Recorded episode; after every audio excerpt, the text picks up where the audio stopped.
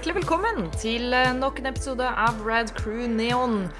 Eh, vi har eh, nettopp lagt halloween- og spooky-sesongen bak oss. Og eh, dette blir vel første året hvor vi ikke har en ren sånn Halloween-episode. Men vi kan jo ikke la det gå uten noe litt tematisk riktig. Um, så, eh, så, før vi hopper inn i, i førjulsmodus, eh, så skal vi ikke gi helt slipp på spooky-sesongen enda. Og snakke litt om skrekkfilmer, rett og slett. Eh, jeg er da programleder Ida Doris Joint. og med meg så har jeg min, min Rad Crew-makker i studio i Stavanger. Ja, det er Jostein, og yes. jeg er all out of bubblegum. Det, Bra. Det, for det litt, litt, av det vi skal snakke om i dag, er liksom uh, Litt av utgangspunktet for denne episoden var vel at vi drev og prata om at sånn, horror har endra på seg veldig mye, og vi, vi savner litt sånn gamle uh... Ja, jeg tenkte vi skulle holde det litt sånn gående. Vi hadde jo denne forrige Neon-episoden var jo en slags sånn eh, debattepisode. Så vi holder oss egentlig litt i det temaet, og, og skal rett og slett snakke litt om hva skjedde med horror-sjangeren. Ja. Eh, eller hva har skjedd?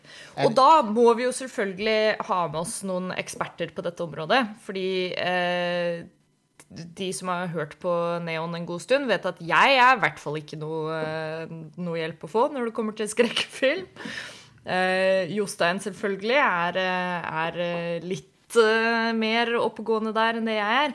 Men hvem bedre å ta med oss til å diskutere eh, skrekkfilmer enn sjølveste Rad Crew-partnerne Attack of the Killer Cast. Velkommen. Uh -huh. Yay. Takk, takk, takk, Ja, herlig. Her har vi soundboard og hele pakka. Det blir jo en helt uh, fantastisk ja. episode. Jeg tror, jeg tror, du har misforstått eh, litt, jeg hørte at du nevnte ordet 'oppegående'. Det er vi ikke, men vi er glad i skrekkfilm. Ja, det, men det er bra. Ja. Kan, kan, jeg, kan, jeg, bare si en ting? Og det er det at uh, vi er jo veldig glad for at dere er en del av Radcrew-familien, men har, det er en, en, av mine største regrets at vi ikke har fått gjort mer ut av det. Så vi, jeg, jeg, føler vi kan vi må, vi må, prøve å gjøre mer med dere. Absolutt. Ja. Og nå, det er jo, Vi må jo kunne feire det litt her òg, med at denne episoden er nå et østlandsflertall. Ja. Eh, ikke bare er den det, den er et Østfoldsflertall. ja, eh, vi har jo blitt naboer. Ja, stemmer det. Ja. Så, så, vi kunne egentlig vært hos deg, vi. Og... Kunne egentlig det, altså. Så, så, dette er jo starten på en, et uh, større samarbeid for uh, Radcrew og Attack of the Killer Cast, vil jeg tro. Ja, ja. ja. Uh, vi kan i hvert fall få til, få til, mer, nå som vi er i såpass nærhet til hverandre. Men, mm. men for de som, de som hører på som kanskje ikke kjenner til dere, da, hvem er dere? Ja, altså vi er Attack of the Killer Cast. Vi er jo tre uh, smålubne karer. da. Eh, Chris, altså meg, Kurt og Jørgen, som er glad i skrekk, kult, sci-fi og B-filmer. da. Så gjerne jo, jo, dårligere, jo bedre. Men det hender at vi må uh, snakke om noe bra innimellom, da bare sånn så vi ikke uh, går på veggen helt. Men ikke ødelegger imaget sitt helt, liksom? Vise at man har litt Eh, litt smak også? Ja, jeg tror creden vår går på at vi ikke har smak. Ja, ikke sant. Det er, altså, det, det er altså Chris som er med oss i dag, og Kurt fra Killer Ja. Yes. Det er det. Det er uh, tokløvere. Yes. Herlig. Vi mangler én, og han er litt uh, udisponert, holdt jeg på å si. Ja, men det, sånn er det av og til. Ja. It happens. Men det er, bra, det er bra dere kunne bli med oss, fordi vi dette temaet kom jo egentlig, egentlig, litt ut av en liten diskusjon som vi hadde i Radcrew-chatten her for litt siden. Uh, hvor vi bemerka oss det at eh, skrekkfilmsjangeren har liksom gått gjennom så mange forskjellige iterasjoner og, og endringer. Eh, og særlig da Jeg tror det sprang ut av at um, Stian satt og så på Lost Boys eller noe sånt. Eh, og så begynte vi å diskutere liksom disse litt sånn gode 80-90-talls uh, horror-klassikerne og sånt. Som har en sånn helt annen uh, Hva skal man si vibe enn uh, en det man kanskje får fra skrekkfilm nå til dags. da. Og i hvert fall den type uh, horrorfilmer som Attack of the Killer Cast er mest familiær med. Der har det jo også vært en ganske stor endring da, i det man, man, ser i dag, og det som ble laget før. Um, og jeg tror vi har vært litt inne på denne tematikken før, men vi har ikke dedikert en hel episode til det. Um, og jeg tenker Et greit sted å begynne er jo kanskje Siden vi representerer litt forskjellige generasjoner her nå, uh, så hadde det vært kult å bare høre um, dere andre sitt forhold til skrekkfilmsjangeren først. Da, liksom. Jeg føler alle har hatt en sånn periode i typ tenårene og sånt, der da liksom skrekkfilm kanskje begynner å entre livet til en. Og hvordan så det ut for dere? Og så kan jeg ta min historie på det senere. Jeg kan jo begynne, jeg. Du som er eldst. Jeg som er eldst, ja. ja. vi må, kanskje, vi, kanskje, du rekker å få sagt det før du Stryker. dør av alderdom? Ja. Jeg er jo 74-modell, eh, så by large vokste opp på 80-tallet. Mm. Eh, og som filmgeek så var jo det et utrolig eh, spennende tiår, med tanke på at vi fikk VHS og hjemmevideo og mulighet til å se filmer annet enn på kino, da. Ja. På TV, selvfølgelig. Men vi fikk også tilgang på kabel-TV og satellitt, så vi fikk en del kanaler ah. som vi ikke hadde før. Og som Filmnett og TV 1000 og en del sånne ting, da. Filmnett! Og... Det er lenge siden. ja, ikke sant? Now that's a name I haven't heard in a long time. Oh my god. Vi snakker om Filmnett, vi, Jostein, så Ja, ja. Nostalgifaktoren er med med en gang, vet du. Mm. Men det, ga bare en tilgang da, på, på, så mye som du ikke hadde fra før. Og du kunne fordype deg i ting på en helt annen måte. Bare det å se en film på nytt igjen var jo egentlig ikke mulig før. Hvis ikke du gikk på kino om igjen og betalte billett om igjen om igjen. om igjen, selvfølgelig. Mm.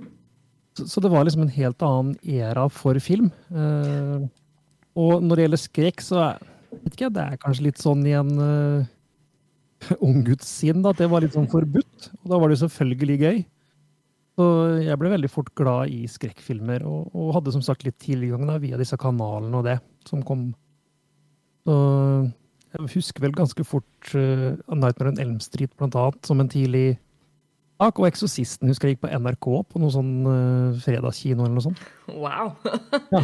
Uh, Sort-hvitt TV på barnerommet og så på Eksorsisten, liksom. Det ble ikke mer creepy enn det. Nei, det er en ganske spenstig opplevelse.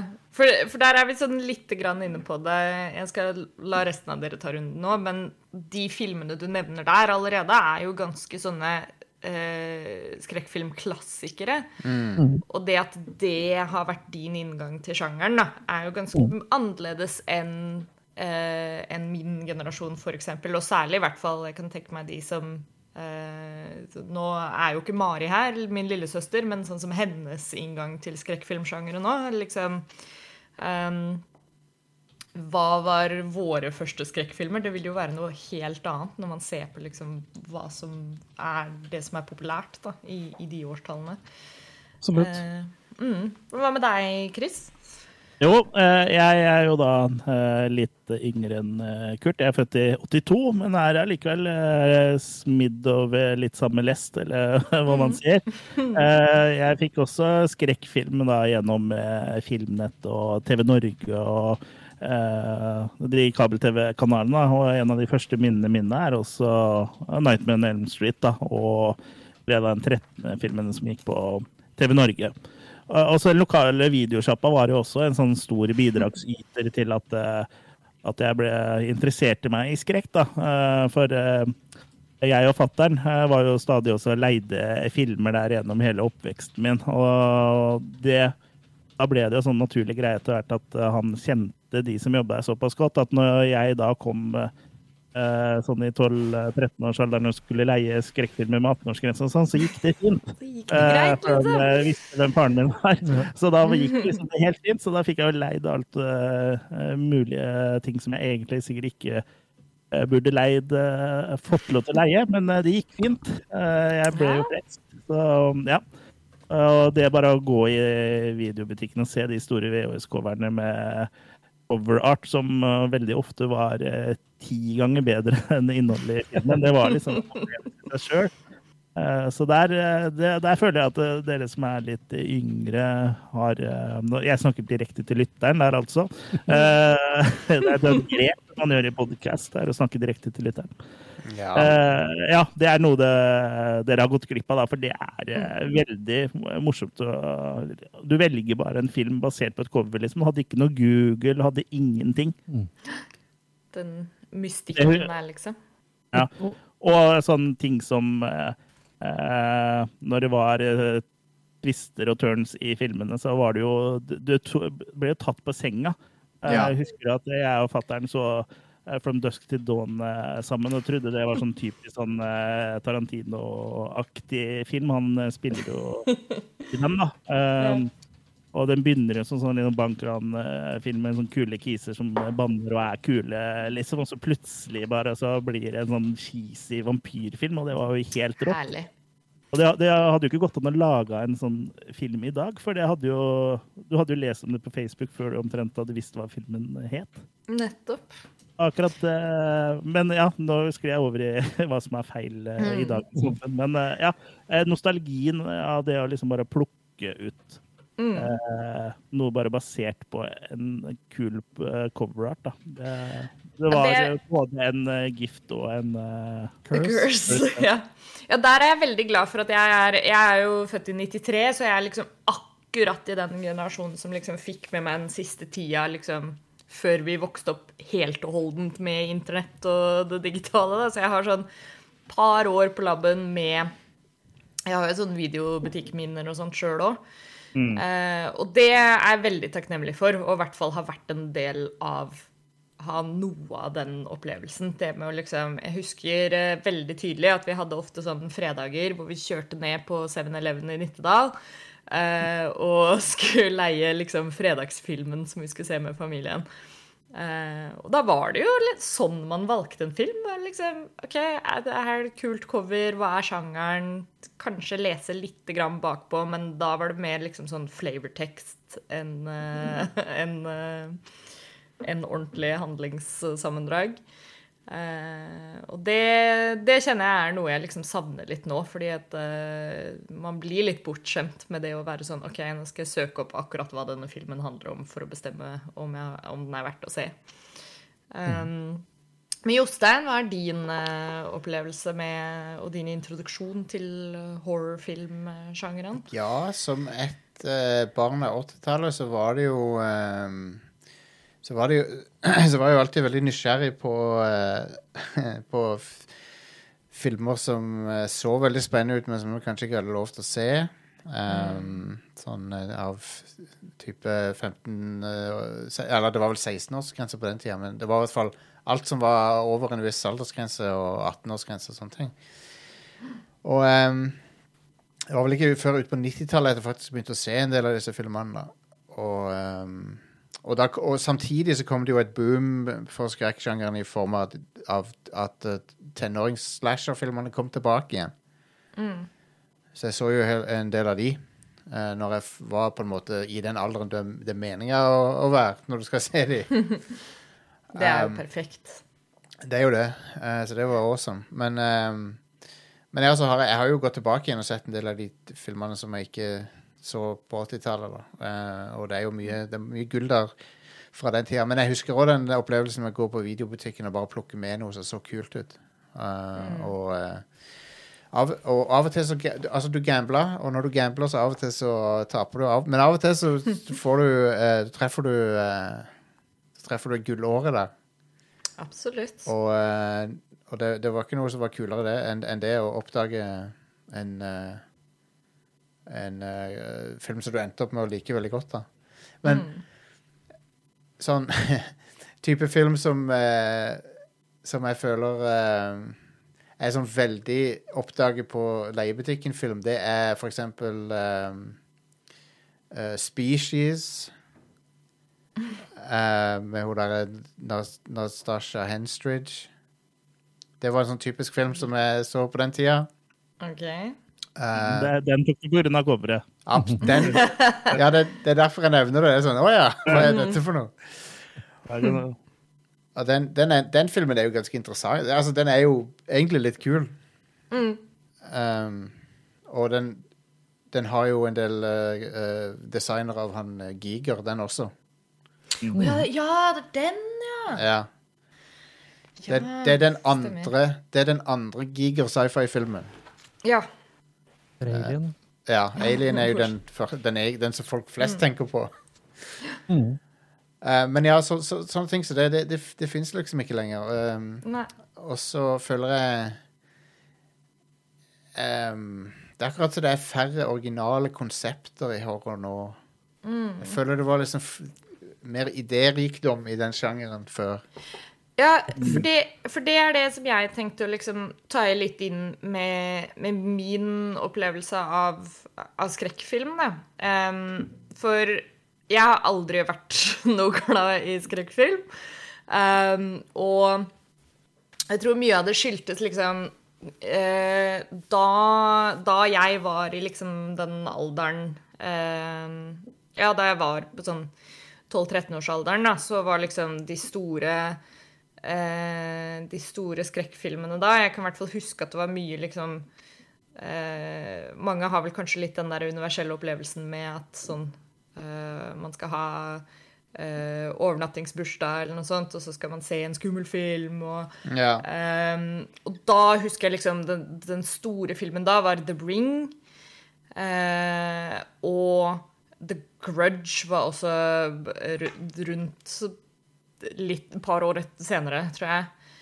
Men det var liksom denne typen filmer da, som var sånn Man ser de for å bare være For at det skal være skummelt. Uh, dette her var vel også Jeg husker ikke hvor gammel jeg var når den første Paranormal Activity kom ut, men jeg husker det var liksom i hvert fall sånn Det var mitt inntrykk da av horrorsjangeren når jeg var i den alderen hvor liksom Hadde jeg vokst opp på 80-tallet, så hadde jeg vært midt i liksom teen slasher-perioden. Ehm, uh, Mm. Min versjon av det var jo da mye av disse liksom Paranormal Activity-style-filmene. Uh, og det har aldri appellert noe særlig til meg. Og det har alltid vært Det har bare føltes ut som at sjangeren har vært mer Litt det som Jostein var inne på, da, at man har mistet litt av den originaliteten eller eh, Kall det historiefortellingen, da. Eh, fordi jeg føler at kanskje horrorsjangeren ble mer en sånn um, Jeg vet ikke helt uh, hva som blir riktig uttrykk, men det blir en slags sånn derre uh, fornøyelsespark, på en måte. Uh, at det har blitt mer en sånn ting hvor liksom Oi, nå lager vi en eller annen kul, liksom crazy horrorfilm som folk drar og ser på kino. og nå snakker jeg spesifikt om mye av disse liksom mainstream skrekkfilmene fra sånn type 2010 eh, og utover. Eh, det har skjedd ganske mye i horrorsjangeren nå i de siste par åra i hvert fall, som gjør at vi liksom som gjør at denne diskusjonen blir aktuell igjen. da, fordi at nå føler jeg vi kanskje er på vei mot et litt mer sånn um, Kall det en slags eh, horror-renessanse. Ja. Men i hvert, fall, fall da jeg vokste opp, så var det veldig sentrert rundt liksom, Det var veldig det inntrykket jeg hadde. da, At liksom, du hadde klassiske, gamle eh, skrekkfilmer som var litt sånn det var ikke like poppis, fordi det var sånn oh, men det er ikke like skummelt som disse liksom, jump scare-bonanzaene som vi har, uh, har, nå i dag. Jeg mista jeg, jeg, jeg, mener jeg mista litt interessen for horror på 2000-tallet spesifikt. For mm. det, det, var egentlig en kjedelig periode, syns jeg, da. personlig. Ja. Og det, og det, kan jo kanskje støtte litt oppunder liksom, min sånn aversjon for horrorsjangeren. At jeg har aldri hatt den der opplevelsen hvor jeg liksom vokste opp med noen skikkelig gode skrekkfilmer. I hvert fall som jeg så, da.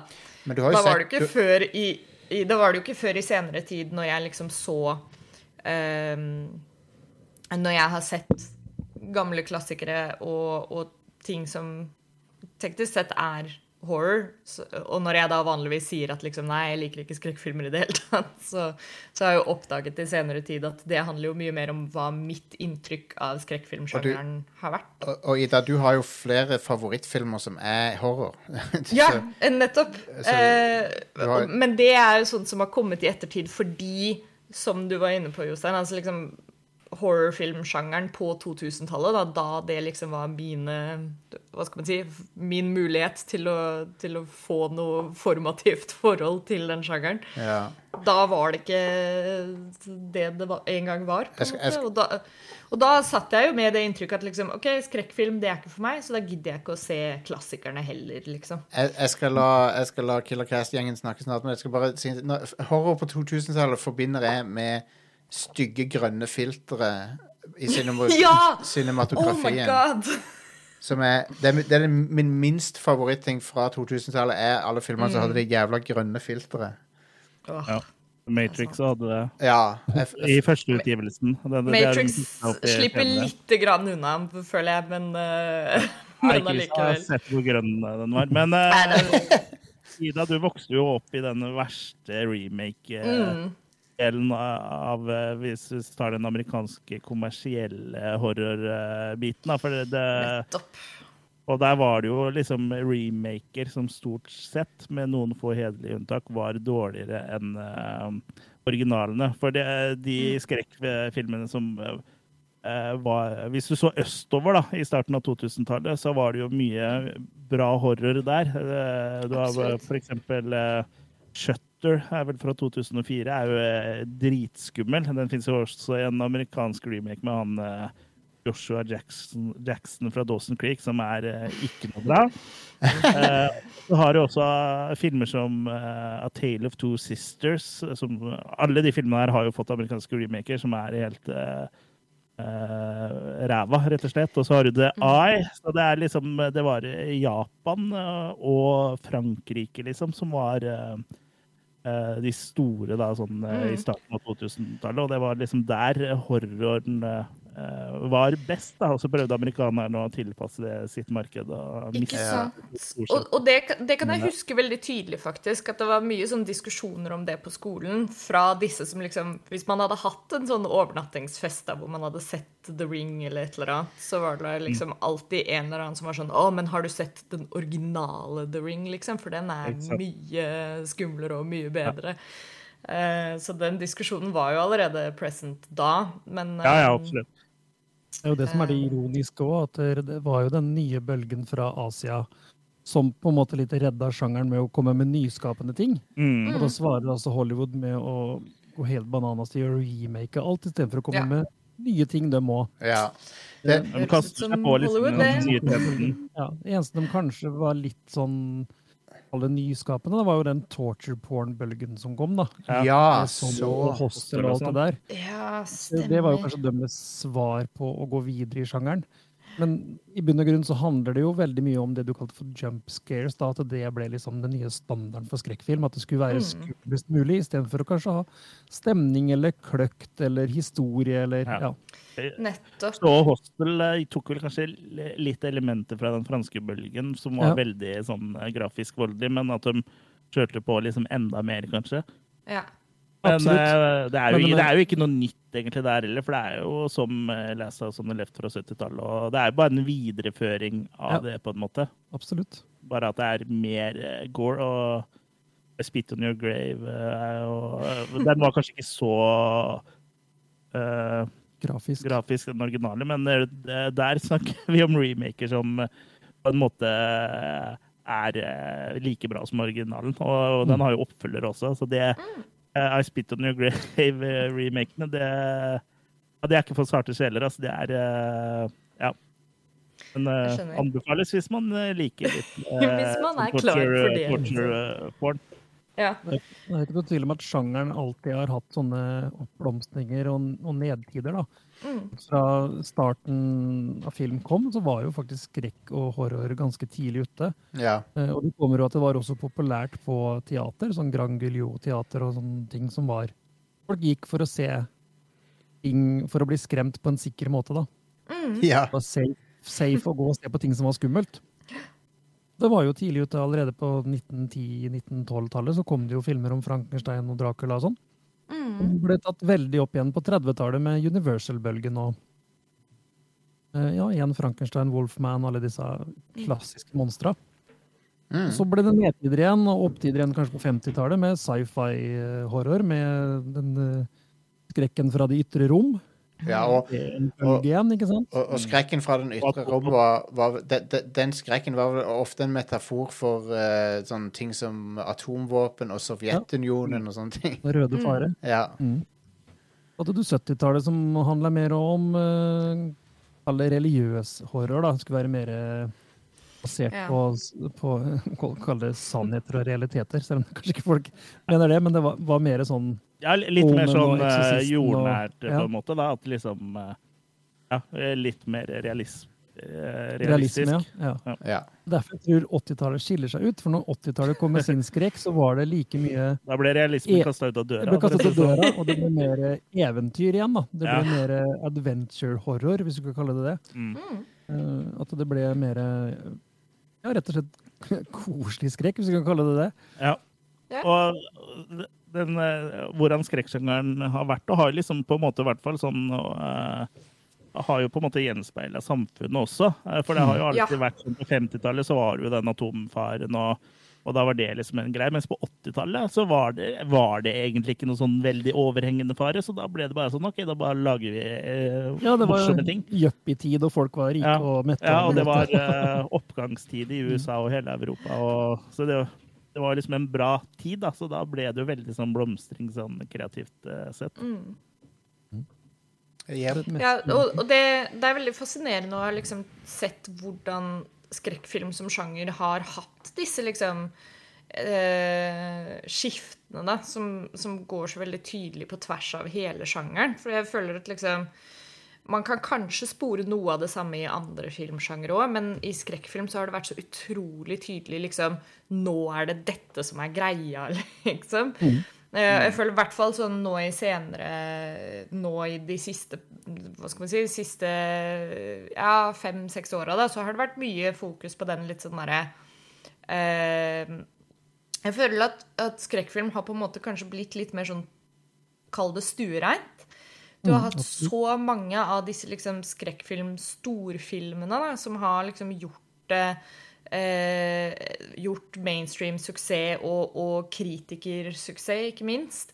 Eh, jeg har liksom, det, det slo meg i hvert fall for et par år tilbake at jeg ble så overraska over å stadig lese om disse liksom skrekkfilmene da, som var sånn oh, å, det der er kjempebra, og den må du se, og det var liksom publikums eh, hva skal man si, Demografien da, av folk som snakka om disse filmene, var kanskje ikke det jeg forventa.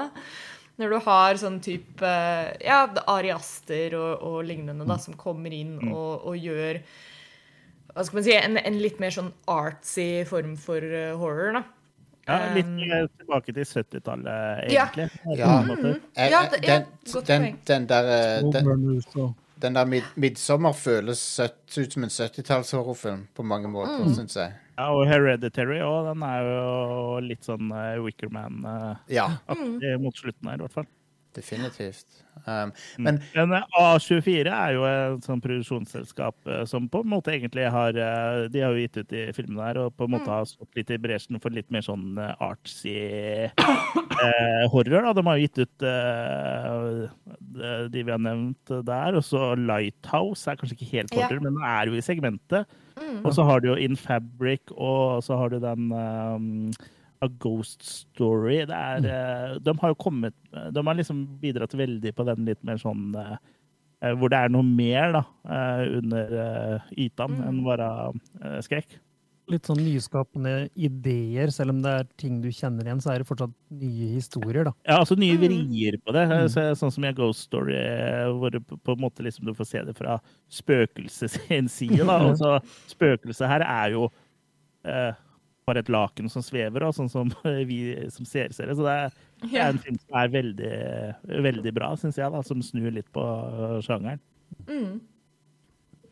Ja, er fordi det føler jeg har liksom vært eh, Det har vært så fascinerende å bare se den utviklingen nå, særlig når, når man kanskje sitter litt fast i det derre tidlig 2000-talls uh, Og jeg føler at, at, horror har egentlig alltid vært en litt sånn Nå snakker jeg bare av, av, personlig erfaring og inntrykk, men jeg føler at det har alltid vært en litt sånn nisjesjanger. At det, liksom, det har alltid vært den som er sånn Enten så er det folk som er sykt interessert i horror, eh, eller så er det liksom disse klassiske sånn det er tenåringer som drar for å se dem for å, uh, fordi det er skummelt, liksom. Det er den neste Paranormal Activity-filmen, så det er liksom kinoopplevelsen of the year, på en måte.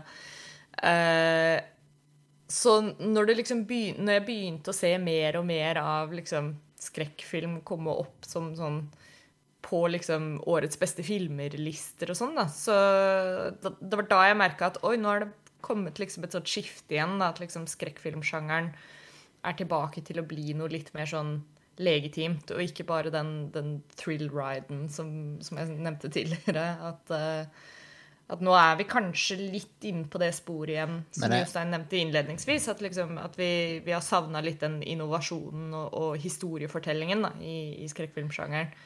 At den mm. kanskje er litt på vei tilbake nå. Ja, og Litt av historiefortellinga har jo også kommet tilbake i, i, form av at strømming har blitt populært. Så det har jo blitt ja. en del uh, Netflix-serier og sånn. Og jeg føler de to seriene som kanskje eh, snudde det rundt sånn for massene, er kanskje eh, I tillegg til Stranger Things, da, men den er jo litt forskjellig. Eh, den tar for seg flere sjangere, men uh, The Haunting of Hill House og The Haunting of Bly Manor den er veldig yeah. sånn klassiske sånn 40-50-talls skrekkhistorier og er basert på gamle bøker og har jo vært filmatisert tidligere også. Og der er du liksom litt mer tilbake på den stemninga, da, og ikke jumpscares mm. hele tida. Og, og at det er bare uhyggelig stemning, og det er godt skrevet, og skuespillet er bra, da. Ja. Mm. ja. Jeg føler at det på en måte at uh, i, sånn i motsetning til kanskje det sånn som det var mellom 2000 uh, og 2010-ish, så har det på en måte blitt litt mer sånn uh, um, har blitt eh, litt mer mangfold, da. For du har, liksom, du har disse mm. seriene, og så har du de artsy filmene til A24, og så har du en hel haug med lavbudsjettfilmer, og så har du da Blumhouse, da, som er et produksjonsselskap som egentlig pumper ut sånne eh, rollercoaster-filmer. Ja, ja, ja. da. Mm. Uh, som bare skal være sånn popkornfilmer, og som funker bra til det. De har jo stått bak de siste Halloween-filmene, eller blant annet. Er et av selskapene der. Mm. Så det, det er jo mye forskjellig, da. For, uh, på 2000 til 2010 så var det jo stort sett uh, disse mainstream-filmene som på en måte slapp gjennom. Ja. Mm.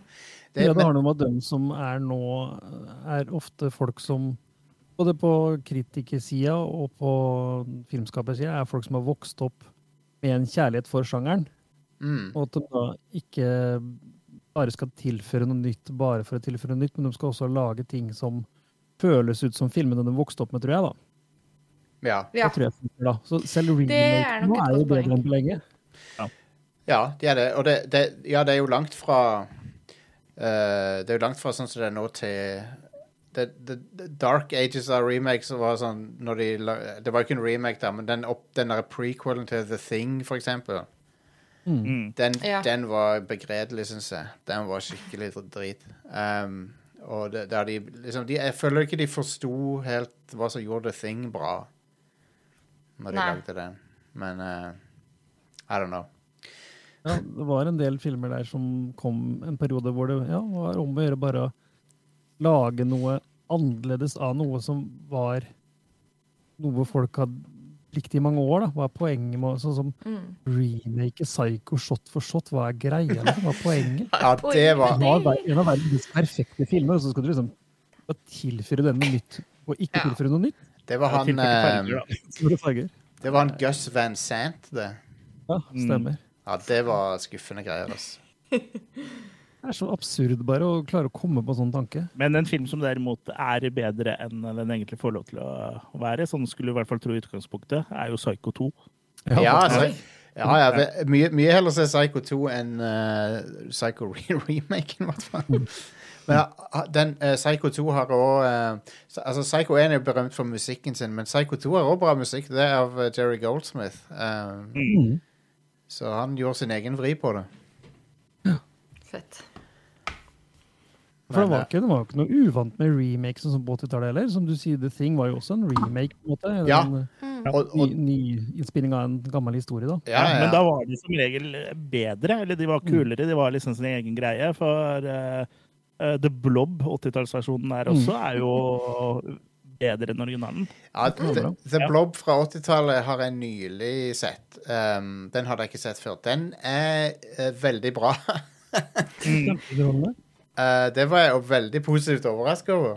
Skikkelig Ja. kul. Ja. Det som liksom er gøy med disse filmene fra 80-tallet, selv, selv liksom når det er barnefilmer, så er liksom, det er groteske ting. da. Ja, ja. Uh, Blobba har liksom mer groteske effekter enn du skulle egentlig se for deg da, når du tenker på originalen. ja, absolutt.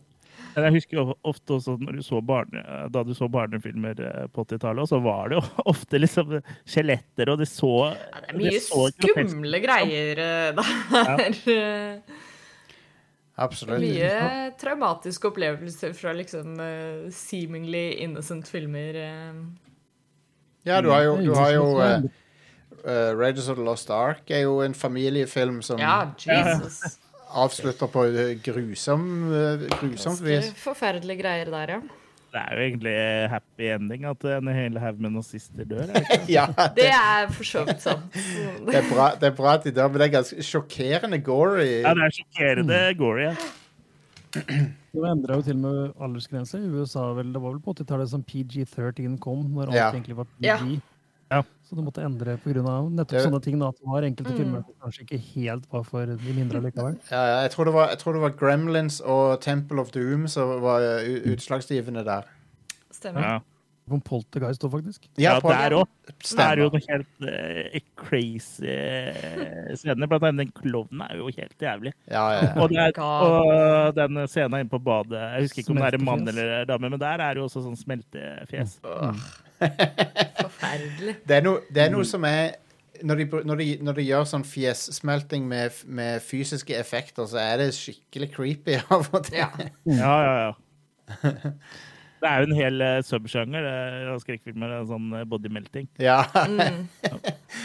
ja Robocop har òg en bra en. ja. Oh, oh my god, ja, den er jo helt Han- forferdelig. Han som får sånn tox, toxic waste på seg, og så bare Oh my god, terrible. Ja. Og hvis du Ja, det er jo også på en måte en ting som har, spiller en ganske stor rolle. Da. Altså, man, kan jo, man kan jo ta den debatten opp og ned i mente, dette med liksom praktiske effekter versus uh, digitale effekter. ja. Uh, og, og særlig i skrekkfilmsjangeren da, så er det jo Gode praktiske effekter der er nok mye av det som gjør at disse filmene fra 80-tallet eh, står så sterkt som det de gjør. da. ja. Mm. Men, Det eh, er jo det at du må bruke eh, CGI som et hjelpemiddel, liksom, ikke å, Ja. hele greiene. For eh, eh, det syns jeg også at eh, det virker som Man er liksom mer tilbake på Uh, tilbake på praktiske effekter. Da. Eller i hvert fall en kombinasjon av det ikke bare kjøre på CGI fordi det er det hippe kule, liksom. Sånn som Nei. du, du nevnte prequelen til The Thing, så hadde de jo laga dritfete effekter. eh, og så var det en eller annen i studio Ja, som bestemte at du skulle legge CGI over det. ja, ja, det Ja, det ser jo helt grusomt ut. Det er jo det som er en av tingene som gjør The Thing så utrolig gnarly, er jo de effektene. Ja. Så det er jo derfor du får så den store kontrasten i den prequelen. At det bare sånn Oi, hva skjedde her? liksom, Dette er Ja. ikke det Og så- er det jo også det, det som på en måte gjør det The Thing eh, så bra, da, er jo at eh, det er, det er den ene scenen inni hvor de prøver å finne ut hvem av dem som er eh, Er det ting, holdt jeg på å si, eh, Ja. som er, eh, ikke er menneske. Og det er jo hvor de skal ta den blodprøva. Det er jo Ja. veldig enkelt uh, laga, men det er jo en helt uh, Det er en nerve i den scenen som uh, de ikke klarte å gjenskape i, Ja. i film uh, i den prequelen, da. Ja, ja. Um, nei, se, blod er noe av det som egner seg dårligst som CG. For ja. det, de har ennå ikke fått til det. Nei. Nei. Nei, nei. Det ser ut som alle bruker den samme templaten for blodsprut. Ja. ja. Ma- Mange, mange gjør nok det, i hvert fall The Walking Dead. Ja, The Walking de- var ikke det, det, ja. hvor de må produsere så fort og raskt, Ja. så bruker de sånn de bare har shoppa. Men eh, noen eh, steder så funker det litt med litt sånn CGI-blod og sånn, men det er ikke så mange steder. Men sånn, som den eh, Ash vs. Evil Dead-serien, der går det greit, for den skal liksom være litt sånn corny. ja. Mm. Og Sam, Sam Raimi sin stil av horror er jo litt tegneserieaktig til å begynne med, så Ja, ja, absolutt. For det også var jo en ting at en, en del av disse undergrunns... eh, under, kaller det undergrunns, filmskaperne, sånn som Peter Jackson og, og Sam Raimi, og, som lagde helt uavhengige independent-filmer som ble populære i sin sjanger, i sitt segment. ja. Og likevel er det såpass bra at det ble lagt merke til at de ble headhunta til Hollywood. Og Peter Jackson har jo lagd noen av de største filmene ever, liksom, med Ja. Lord of the Rings. Vi kan jo sikkert diskutere hvor godt de står seg i ettertid, men uansett så var det jo det største av det største når det kom. Ja jeg, jeg, jeg elsker de filmene. Jeg syns de er konge. Lord of the Rings uh, holder, men Hobbiten er jeg litt usikker på. Nei. Ja, det, det er det som er så ekstra det- Altså, det er jo kanskje kroneksempelet da, på liksom sånn practical versus digital-debatten. Er å se hvor Ja, det- godt uh, Det er tre Ja, Originaltrilogien har holdt seg. og det lager ni timer, eller hva det er for sånn, Ja. en bok på, som er så Og kjempefint. Altså det, det, forskjellen på de to trilogiene er Den ene er nøye planlagt. Tatt mm. mange år å lage. Uh, alt nest, liksom, Bare begrensa bruk av CG der det, der det egner seg. Eh, samtidig så de, de var jo pionerer for CG, de filmene òg. Altså de hadde liksom ja, ja. Gollum pluss de der crowd-effektene de hadde. Men Mm. Men relativt begrensa bruk av CG. CG. Og så har du uh, Hobbiten, som er ru rusha ut. Eh, de har ikke godt planlagt. Bare cash grab. Så, eh, det, og, og jeg tror ikke Peter Jackson forstår det sjøl engang, for han, han har sagt at han likte CG-orkene bedre enn en, uh, altså i, i Hobbiten enn en, en de praktiske orkemakeupen i uh, originalfilmene. og Sånn, så jeg, vet, jeg tror han har lost it litt, for å være helt Ja. ærlig. Han mista det. Lille mannen blir stor mannsgal. Ja.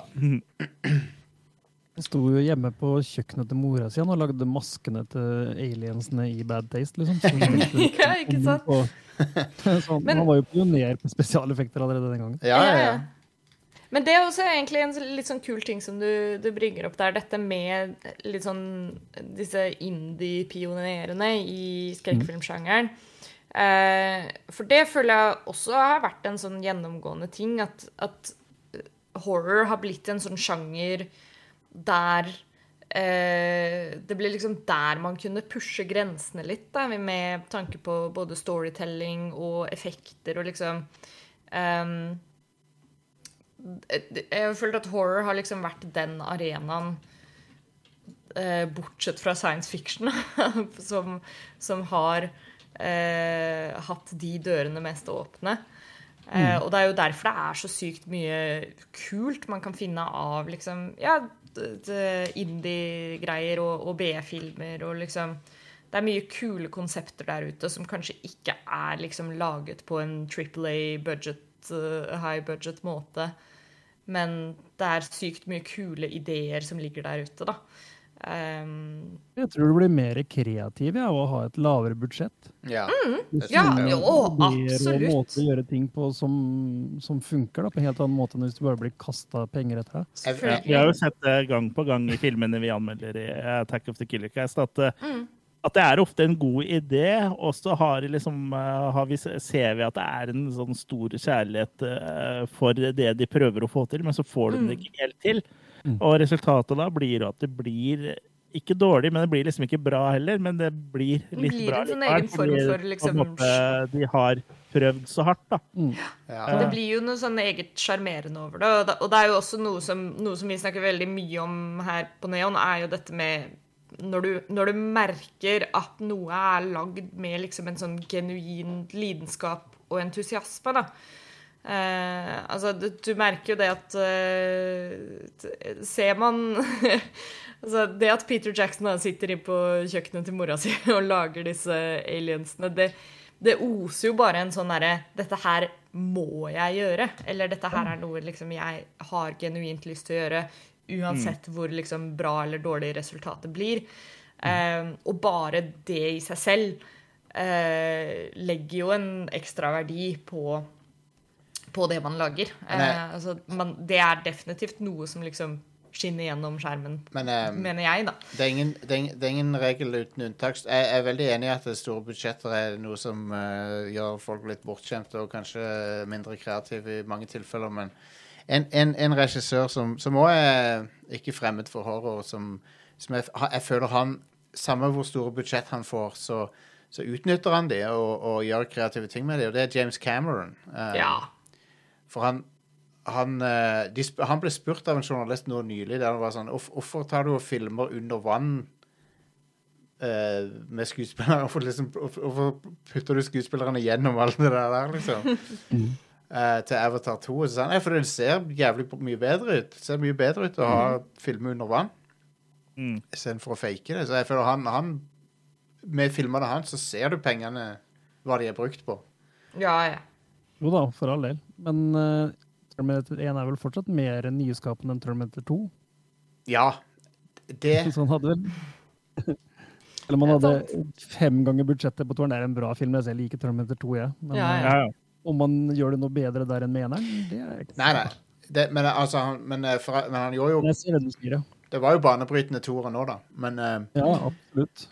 men eh, jeg jeg er òg veldig fan av Terminator 1, og, og det, han fikk jo utrolig mye ut av det lille budsjettet de hadde på den filmen. ja, det er helt absolutt. sykt å gå tilbake til den og bare Og, det, og det, Terminator 1 er en sånn type horrorfilm som nesten ikke kunne blitt laga i dag. For at han, han, det er et helt originalt sci-fi horror-konsept, på en måte, som uh, Som uh, Hollywood hadde aldri, aldri greenlighta noe sånt nå. Nei. Samtidig så er det jo nesten egentlig bare en slasher òg.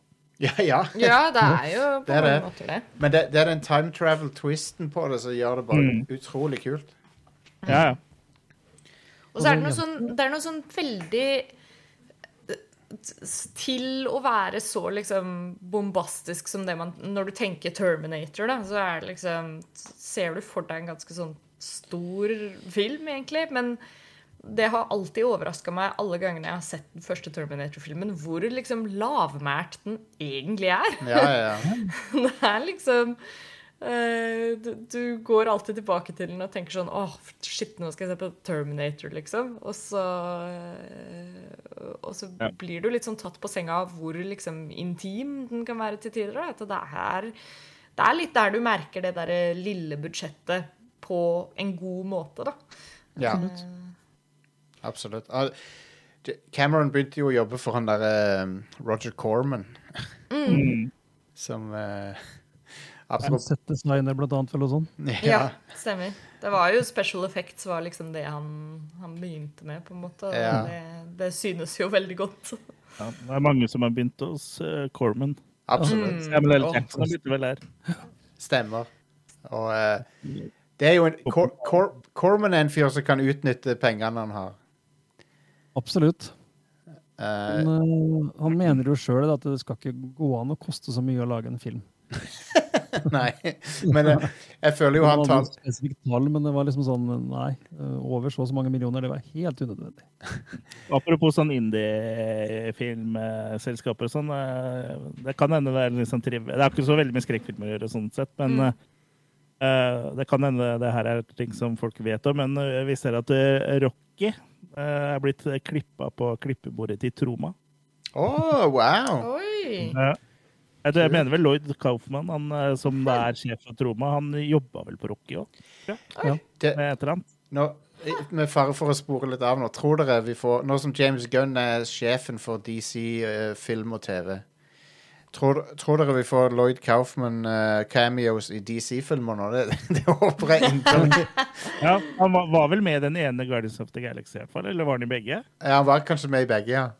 Ja, jeg vet ikke, jeg bare husker den første. Bare, Vi må jo ha en Lloyd Kaufman-cameo. ja, vi må det.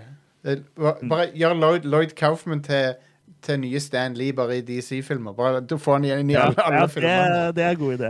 Det er god idé. Men jeg er ganske sikker på at han Michael, Michael Rooker eh, dukker opp, i hvert fall. Ja, han dukker garantert opp. Og Sean Gunn. Absolutt. Nei, det, det, det er jo et, det, At James Gunn har skutt så opp til helt i toppen av underholdningsbransjen, det er òg artig historie. Ja, og eh, enda morsommere at han på en måte greide å komme seg opp igjen eh, etter han ble cancela. Ja. Eh, for det, hele den cancellation-greia mot han var jo bare bullshit i utgangspunktet, så Ja, ja. Men, ja, det var, men ja, det er jo eh, Men han han- Jeg føler han har klart å bevare mye av identiteten sin òg i filmene, selv om han har store budsjetter. Så. ja, det er jeg enig i. Du føler liksom at det er litt sånn egen sånn uh, stil der. er Litt sånn humor og litt sånn eh, glimt i øyet. Ja, ja. Mm. Men uh, når det gjelder sånn eh, Dere nevnte det tidligere med den 80-tallshorroret, så har, har det det fantastiske elementet, og det, det, det savner jeg litt. Alltid Litt sånn derre su supernatural uh... Ja, sånn eventyrtype ting. Ja. eventyrpreg. Alt fra uh, Gremlins til Poltergeist til ja, Nightmare on Elm Street. Ja. Disse filmene var mer sånn ja, det jeg kaller fantasypreg. Det var ikke nødvendigvis sånn ja. død skremsel eller uh, jump scares eller uh, Mm. De gikk på en måte inn for å skremme deg, men samtidig ikke helt. da. Det Ja. sånn mer sånn Jeg føler vi har liksom mista litt eh, Jeg føler veldig mye skrekkfilm kanskje har kjørt seg litt fast i det derre Når man tenker på at noe skal være liksom supernatural, da, at det er, det er fortsatt liksom det derre Enten det religiøse aspektet, eller, eller at det bare er eh, litt mer sånn de klassiske spøkelses-horror-tingene, da. Jeg, jeg Og de der fantasy-elementene er på en måte helt borte nå til dags. jeg, jeg, jeg, tenk, jeg tenker på alt fra Hellraiser til Phantasm Ja. Og og ikke minst The Lost Boys. Lost Boys, ja. Det er en coming of age-film egentlig, i bunn og grunn, men så er det noen vampyrer der òg, da. Så Ja, ja, ja. For å- Ja. Og det, Der har jo effekter satt i s- go, go, Gode effekter med også da god historiefortelling og ja. Ja, absolutt. Original vri på en sak som egentlig hadde eksistert i mange år, da, med vampyrer og mm. Ja, ja, ja. Og va- va vampyrer er jo vel, er vel det opprinnelige skrekkfilmtemaet, er det ikke det? Det er jo egentlig det. Det var noe av det som kom Jo. først. Ja, sånn Så Nosferatu og òg. Men ja. Absolutt. Og men en serie òg som nesten følger hele den, den prosessen som jeg snakka om med og alt fra lavbudsjett i starten, som funker, det er jo halloween. ja. Og så har fulgt gjennom alle disse årtiene, som har kommet nye installasjoner hele tida. De har aldri klart å lage noe i nærheten av den første. Nei. Men de har jo prøvd i alle mulige retninger og, og ja, årtier, da. Å holde liv i franchisen. Mm. Det er vel kanskje en litt sånn pekepinn på hva de går, kan gjøre riktig, og hva som har blitt gærent etter hvert. da. ja. Alt fra Rob. Zombie sine forferdelige 2000-tallsinstallasjoner til De er populære ennå, iallfall. Det skal de ha. Det er jo en, en bonus. Altså, det skal, det skal jo på en måte nesten alt i, i horror-sjangeren ha. Altså, jeg føler at det er en, eh, en veldig dedikert fanbase du ender opp med av eh, Ja. horror-fans. Um, Det er det. Så det, det er jo gøy, og det er jo det som, som kanskje fortsatt holder litt liv i det, og, og sørger for at vi, vi kommer til et punkt hvor man har litt av disse sånne renessansene som vi har nå. Da. Litt som dere var inne på i stad, det at vi nå har en generasjon som liksom har vokst opp med disse klassikerne og på en måte prøver å gjenskape noe av den, eh, Det, men jeg, for, den fø- følelsen. og, og jeg tror kanskje noen av de, horror, de skuespillerne som var kjent for horror Flere av de har på en måte fått en ny kjærlighet for det i moderne tid fordi de oppdager hvor mange fans de har. Sånn som eh, Jamie Lee Curtis tror jeg har oppdaga det i nyere tid. Ja, ja.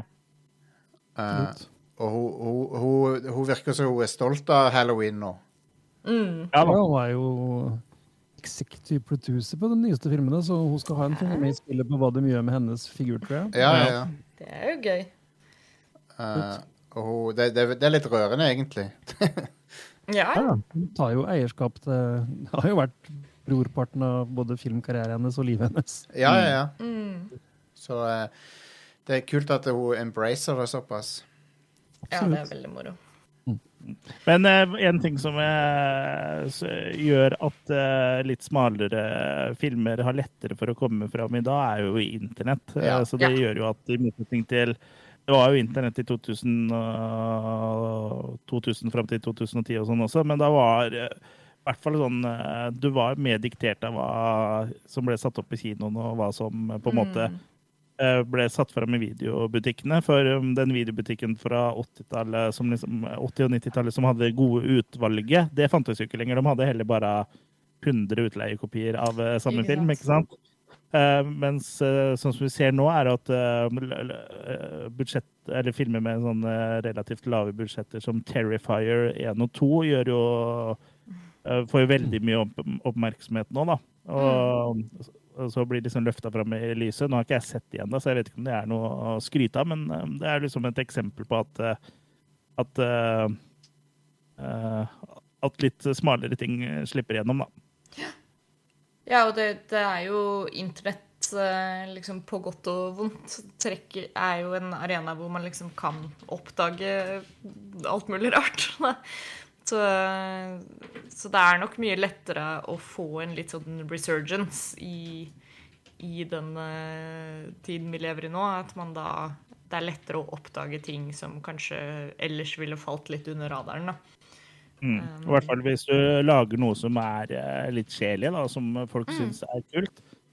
Uh, vi kjenner jo en uh, gjeng oppe i Vestnes uh, her i Norge som har laga juleslasher. De lagde vel den i 2013, oh. og den blir jo gitt ut på Blu-ray i USA ah, nice. nå. Så gøy.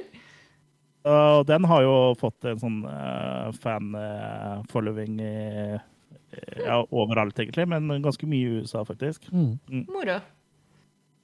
Og det nå er jo en, det er jo en amatørfilm, for det er jo teknisk sett så er ikke alle på topp der, også, men det er liksom, det er, de, har gjort, mm. de har gått all in, da.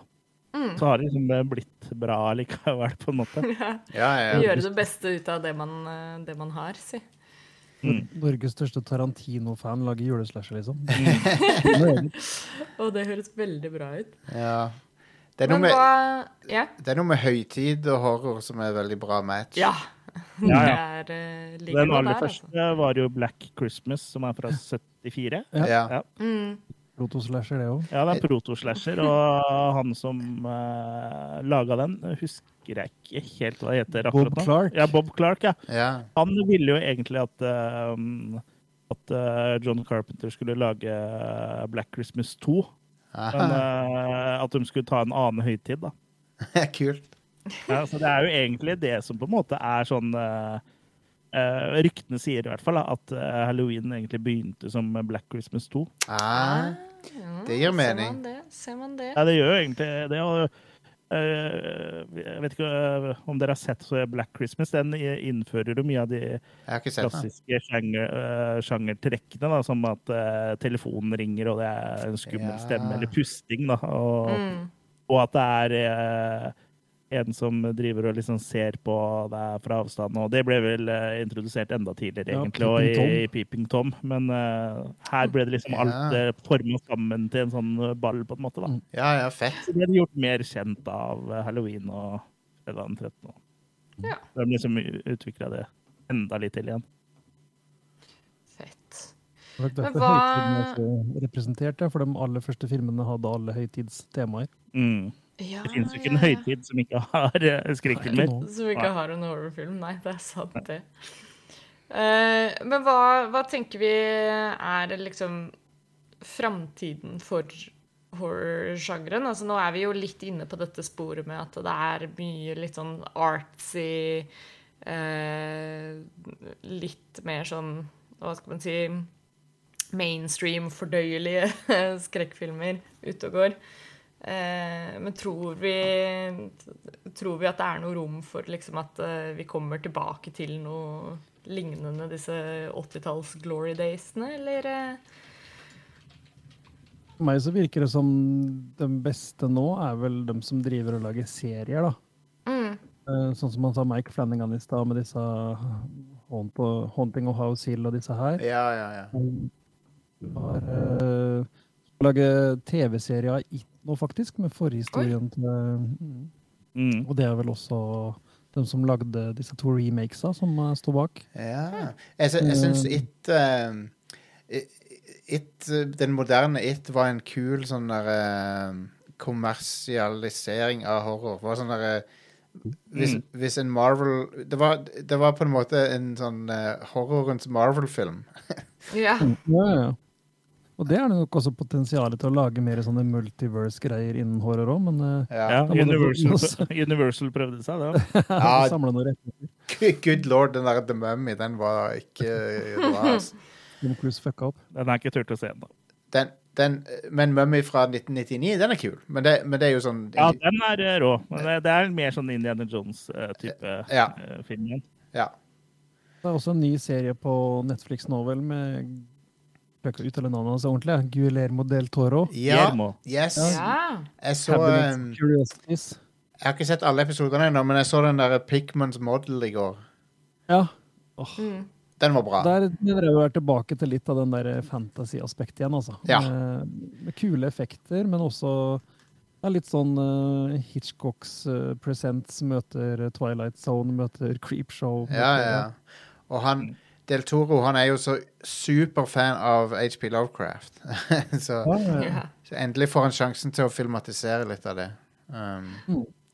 han, han der er Hvis Chris det er en indikasjon på videre, så er det jo håp. Absolutt. Han da, han da, sånn, eh, jeg føler at på en måte at det er mye større mangfold uh, nå enn det har vært på en del men, Eller i hvert fall sånn som er tilgjengelig, da. Men du må bare jobbe litt med å liksom finne Ja. godbiten. da. Sånn hvis du drar på Ramaskrik, for, for eksempel, som er en sånn årlig skrekkfilmfestival i Oppdal, så får du jo sett filmer du ikke hadde hørt om engang. Eh, og der er det, det er et bevis på at der er det fortsatt det er fortsatt kreativitet der ute. Så får vi ha sett mye bra de gangene vi har vært der. Absolutt. Kult. Som vi aldri hadde funnet på å snuble over ellers, liksom. Nei. Ikke Kanskje- fra de aller, aller beste som liksom folk snakker om, da. kanskje Ida og jeg skal dra på den. Ja, det hadde, hadde sikkert vært noe. Ja, vi har vært der eh, to ganger, vel. Mm. Ja. Konge. Det er nok inne på noe der med at det er på en måte TV-serier er kanskje Og ikke nødvendigvis bare TV-serier, men eh, litt sånn som det, denne Guillermo del Toro-serien også, som for så vidt er- er jo en TV-serie, det òg, men det er jo mye mer sånn antologier og, eh, og miniserier og sånt. Jeg tror det er der vi kommer til å få mye av disse liksom, nyskapningene, fordi jeg, jeg tror vi Dette har vi liksom hatt en egen Neon-episode om også, men jeg tror liksom at eh, selve kinoopplevelsen er på en måte litt stuck i liksom remake, blockbuster-verden nå. Eh, og for å få Unntatt av A24 og Ari Aster. ja, ja, ja. ja. Altså, du, du får jo du får liksom et par sånne, sånne store hits eh, her og der, men, men jeg tror sånn i det store og det hele, for å få flere av disse liksom originale ideene og kule opplevelsene, da, så er det nok mer og mer TV-serier og, og streaming generelt uh, som, som blir og tar over der, da. Uh, og det det- kan jeg ikke huske. Jeg har vært liksom verken på 70 eller 80 eller 90 eller 00-tallet, eller hva man skal si. At, eh, at det er et eget selskap på en måte som De lager jo flere ting òg, men som lager Ja. da artsy horror, da. Som Mm. A24 gjør. Og det, det er, jeg vil jo si at det er, eh, er mangefasettert, da. eh, Sånn som det er nå. Og så er det jo sånn alt nytt, i hvert fall for oss som har noen år bak eh, bak oss, så vil det jo alltid være umulig, det vil jo alltid være umulig å, å konkurrere med nostalgi, ikke sant?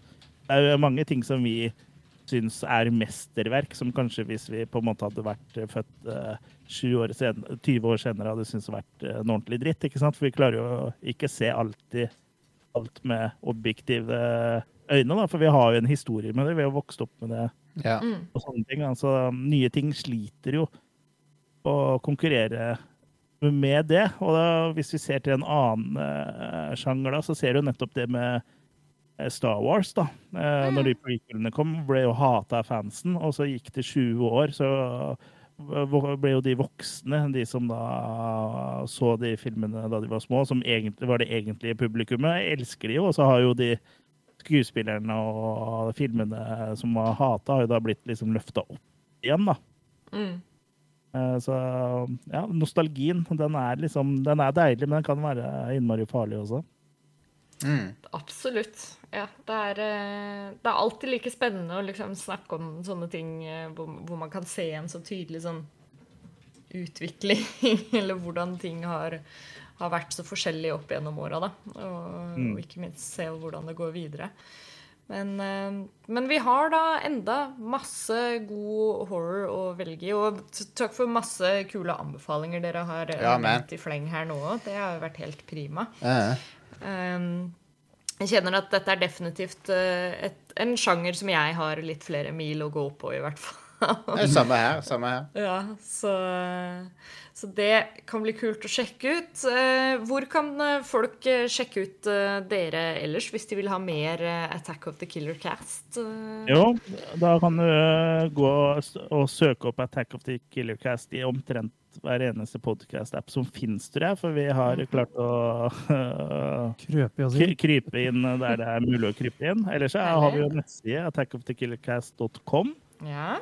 Så Facebook-side, da. Attack of the Killer Cast. Og så har vi jo også en, en helt ny eh, kanal eh, på discorden til til Radcrew, da. Stemmer. Herlig. Så der, der er det bare å hoppe inn og så holde diskusjonen gående her eh, Og- etter denne episoden. Og ja, det, det er artig at dere sier det, for det at uh, dere har eh, det, det som heter SEO, søke, Search Engine Optimization det, Navnet deres er veldig bra. For det, er sånn der, du, du finner ikke noe det, Du kan ikke gå feil når du googler dere. Er Nei. riktig. Det er jo en uh, podkast som heter Attack of the Killer Podcast. Det blir vi litt irritert over. eh, men, uh, uh, ja, jeg tror ikke det er noen som har blanda oss. Nei, nei, nei. De snakker jo engelsk, og vi snakker norsk. Så. Det må gå greit. Men cool. Da, da finner dere i hvert fall eh, Attack of the Killer Cast eh, videre i alle podcast-kanaler, og ikke minst på, på radcrew.net. Um, Og Det der finner dere der, Ja, der finner dere også alt annet eh, som vi holder på med her på Radcrew-nettverket. Og som nevnt allerede, discorden vår, bli med der. Der eh, holder vi diskusjonen gående et, lenge etter eh, episoden er ferdig. Så bare å holde koken der. Um, og der uh, har vi også fått opp eh, skikkelig bra systemer nå med events og hele pakka, så dere kan se når eh, når Jostein skal streame, og, og når vi har live podcasts og, Yep. og så videre. Så det er veldig god stemning. Eh, og ikke minst ta en eh, kikk inne på eh, Patrionen vår, som er eh, Der kan du finne mer info på radcrew.net slash keepitrad. Eh, sleng noen kronasjer vår vei, sånn at vi kan fortsette å lage det greiene her. Yep. Eh, og så Hvis du har noen penger til overs, så gå til Ja, så- så- til så går det- go premium og bli premiemedlem der.